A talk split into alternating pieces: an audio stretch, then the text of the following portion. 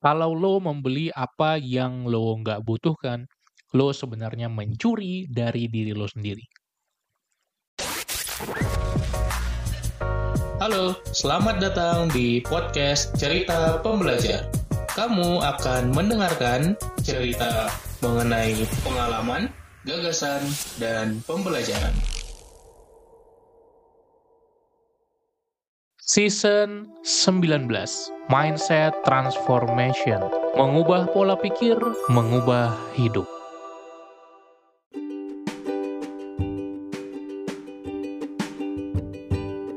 Hai hai hai, welcome back to our podcast Cerita Pembelajar. Dan di season ini kita selalu membahas mindset-mindset penting untuk kehidupan. Kali ini gue pengen bahas tentang frugal mindset Yaitu mindset untuk berhemat Frugal living adalah sebuah konsep yang sekarang semakin populer. Intinya kita membeli hal-hal yang esensial atau hal-hal yang kita butuhkan saja, sehingga kita bisa menyimpan lebih banyak, berinvestasi, dan menyiapkan keuangan yang lebih baik. If you buy what you don't need, you steal from yourself. Kalau lo membeli apa yang lo tidak butuhkan, sejatinya lo mencuri dari diri lo sendiri. Maka jangan sampai kita membeli hal-hal yang tidak kita butuhkan hanya karena ikut-ikutan, hanya karena FOMO. Kita perlu membeli yang kita butuhkan saja dan sedikit yang kita inginkan. Tentu saja kita punya keinginan, tapi kita harus lebih menakarnya apakah kita beli ini atau enggak. Setidaknya kita punya rentang waktu dari keinginan membeli ke membelinya. Karena di rentang waktu tersebut bisa jadi keinginan membeli kita pudar. Yang bikin kita miskin kadang kan impulsif buying itu. Yang mana memang sangat cerdas ya, marketer, advertiser, pengiklan di luar sana sangat pintar dan cerdas untuk membuat kita membeli produk atau jasa mereka. Jadi kalau misalnya gue lagi pingin beli sesuatu, gue akan masukin di to-do list untuk remind gue tiga hari ke depan atau tujuh hari ke depan masih mau beli ini enggak terus gue cantumkan linknya. Terus nanti ketika gue lihat gue masih mau oke okay, gue akan proses ke depannya lagi. Tapi kalau enggak ya udah hilang gitu. Jadi nggak ada impulsif buying. Maka kita di sini bisa menyadari bahwa sebetulnya daripada sekedar ilmu keuangan ilmu keuangan nggak sekedar juga sih tapi ya daripada sekedar ilmunya atau hal teknis terkait keuangan jauh lebih penting hal emosional terkait keuangan, yaitu psikologi keuangan.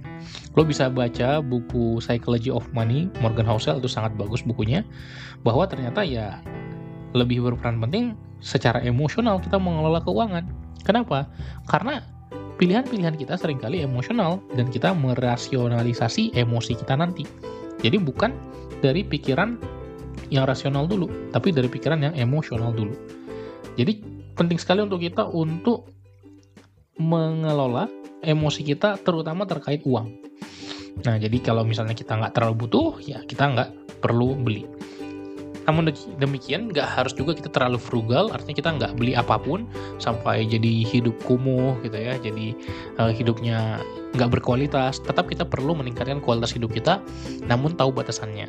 Maka penting untuk kita nge-planning kan kalau di piramida keuangan tuh ada lima tingkatan ya. Yang pertama beresin dulu cash flow dan dana darurat serta utang ya.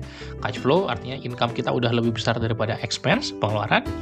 Kemudian kita punya utang semua lunas kecuali utang produktif ya. Utang konsumtif itu yang harus benar-benar diberesin. Kemudian punya dana darurat.